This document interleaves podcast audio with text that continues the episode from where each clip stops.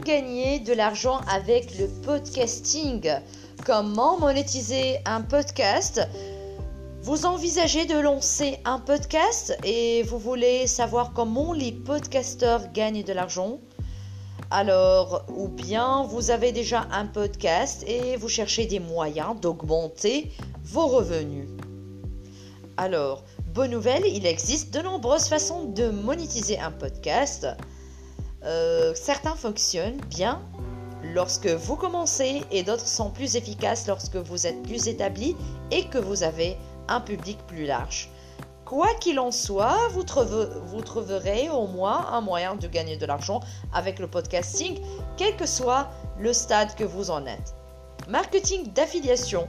Le marketing d'affiliation ou le marketing à la performance vous permet d'obtenir une commission lorsque vous référez des personnes à d'autres entreprises. En général, vous gagnez de l'argent lorsque quelqu'un fait un achat.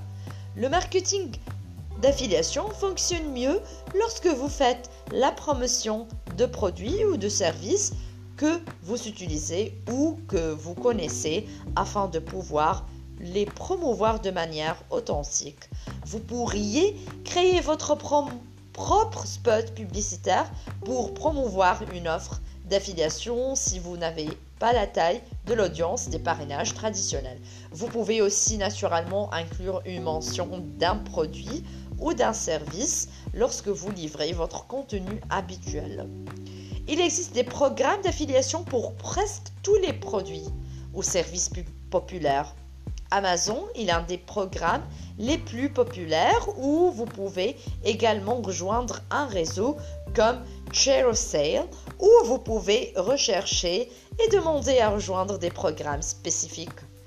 L'utilisation d'un plugin comme Lasso est fortement recommandée. Cela vous permet de créer des liens courts qui redirigent vers votre lien de suivi spécial parmi un tas d'autres fonctionnalités utiles. Il est ainsi facile de dire une URL courte et mémorable sur votre podcast. Il est également utile de créer un blog WordPress pour que les gens puissent facilement en savoir plus et trouver toutes les différentes entreprises que vous mentionnez. Alors vous pouvez euh, tout lire dans, dans, des blogs plus détaillés sur le marketing d'affiliation, euh, les sponsors et les publicités. La publicité et le parrainage sont probablement les premières choses auxquelles vous pensez lorsque vous cherchez des moyens de gagner de l'argent grâce au podcasting. Il existe plusieurs réseaux publicitaires de podcasts différents qui peuvent vous, vous mettre en relation avec des annonceurs. Ils font tout le travail nécessaire pour trouver des annonceurs, négocier les tarifs, obtenir le script, etc. Vous avez généralement besoin d'un public plus large d'au moins 5 ou 10 000 auditeurs par mois pour travailler avec eux. L'un des plus grands réseaux publicitaires est Midroll, un autre réseau populaire et authentique et de nombreuses sociétés d'hébergement de podcasts ont également leur propre réseau. Une autre option qui peut bien fonctionner si vous avez un public plus petit ou plus spécialisé de s'adresser directement aux entreprises qui conviendraient parfaitement à votre public. Cours. Les cours. De nombreux podcasteurs populaires créent leurs propres cours en ligne pour enseigner un contenu similaire à celui dont ils parlent dans leur podcast. Les cours en ligne sont un excellent moyen d'enseigner quelque chose de façon simple et facile à suivre, où l'on peut obtenir un résultat spécifique une fois que l'on a qu'on l'a terminé. Il est utile de disposer d'une liste d'adresses électroniques afin de pouvoir informer votre public de votre cours, à la fois sur votre podcast et par courrier électronique.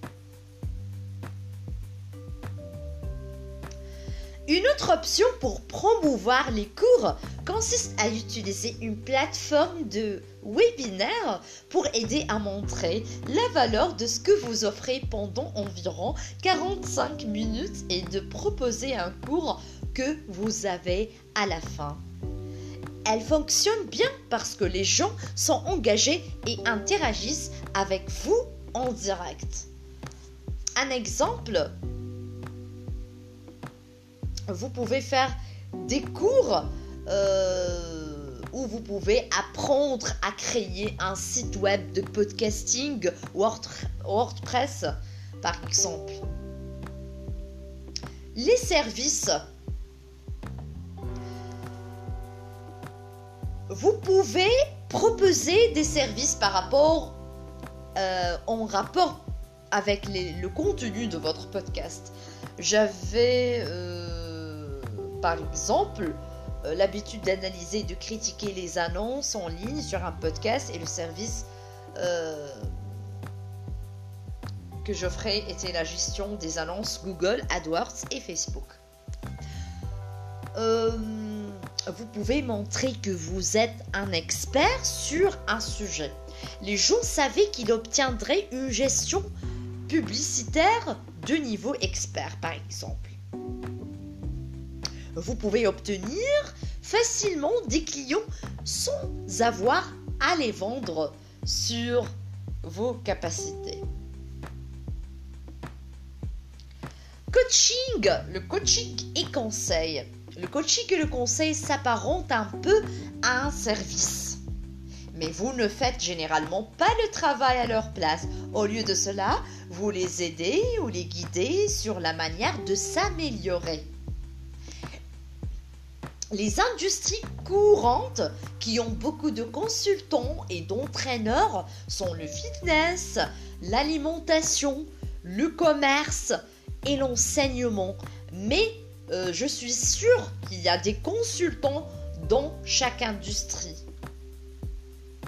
Financement des foules aidant vous pouvez demander des dons pour vous aider et soutenir votre podcast. Des podcasts plus axés sur le divertissement seraient un bon moyen de rentabiliser cette activité. Patreon. Patreon est une plateforme commune d'acceptation des dons. Ils permettent d'offrir très facilement du contenu supplémentaire ou des bonus en fonction de la somme d'argent que les gens vous soutiennent. Il vous donne même la possibilité d'avoir un flux RSS distinct payant, ce qui s'accorde parfaitement avec la prochaine méthode de, podcasting pour gagner de l'argent. Contenu premium, les contenus de qualité peuvent être vraiment à la hauteur de vos attentes, mais les podcasteurs proposent souvent des contenus de qualité entretien supplémentaire, contenu des coulisses, flux RSS sans publicité, flux RSS à accès rapide, questions et réponses avec les hôtes. Amusez-vous à trouver des moyens uniques d'apporter une valeur ajoutée à votre communauté pour quelques dollars par mois le Daily Wire. Le Daily est un site de podcast et d'information qui propose la version vidéo du podcast, des épisodes en direct, un gobelet et d'autres bonus lorsque vous souscrivez un abonnement annuel. Peu importe ce que vous pensez du contenu qu'il propose, c'est un excellent exemple du contenu de qualité. Les événements les événements, l'organisation d'événements n'est pas seulement un excellent moyen de gagner de l'argent, mais aussi de rassembler vos meilleurs fans et de leur apporter encore plus de valeur. Un exemple. Euh, Pat Flame et la conférence Walkers Stalker elle a commencé par un podcast qui parlait de l'émission The Walking Dead. Il organise des événements dans le monde entier et font même participer les acteurs. Ça a l'air génial, hein euh, les produits physiques. Les produits physiques sont des choses comme les t-shirts, les tasses et autres objets de décoration. Le podcast Génération Generation Y propose une tonne de produits différents ainsi qu'un contenu de qualité et une page Patreon très active. Vous pouvez utiliser un site comme Teespring pour vous assurer d'obtenir suffisamment des ventes avant qu'elles ne soient imprimées. De, de cette façon, vous ne vous retrouvez pas coincé avec un tas de produits. Aussi les livres. Exploiter, un podcast populaire pour vendre des livres est un autre excellent moyen de gagner de l'argent et d'accroître votre autorité. Vous pouvez utiliser votre audience podcast pour obtenir les premières ventes et critiques qui aideront votre livre à se démarquer également. Prise de parole en public. De nombreux podcasteurs sont contactés pour des concerts de conférences dans leur secteur. Il est logique que si quelqu'un aime qu'il entend sur votre podcast, vous êtes probablement un bon candidat pour parler lors de conférences et d'événements en direct et être payé pour le faire aussi. Les horaires, les honoraires pardon, des conférencières peuvent aller de quelques centaines de dollars ou simplement une chambre d'hôtel et une participation gratuite à six chiffres ou plus.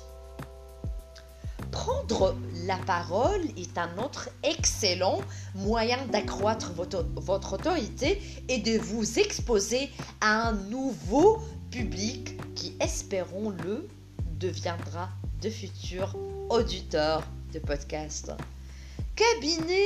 les méthodes, combiner les méthodes. Comme vous pouvez le voir, il existe de nombreuses façons de gagner de l'argent grâce au podcasting. La combinaison de plusieurs méthodes différentes est une approche populaire et vous pouvez toujours changer et ajuster vos méthodes de monétisation au fil de temps. Il n'y a pas de bonne façon de transformer votre podcast en entreprise, juste la bonne façon pour vous. Ai-je oublié des méthodes de monétisation euh, que vous utilisez? Ou avez-vous un favori? Faites-le moi savoir.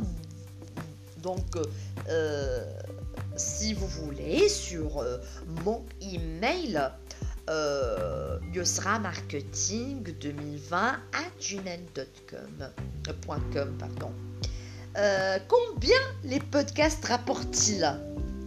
Les podcasts sont-ils rentables? Bien sûr qu'ils le font.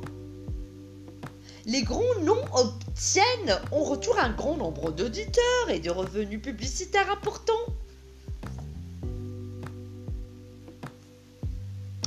Voilà euh, pour aujourd'hui. Euh, alors, euh, suivez-moi pour plusieurs méthodes. comment gagner de l'argent, quelles sont les sources de revenus et beaucoup d'autres sujets. Merci beaucoup pour votre écoute. À très bientôt.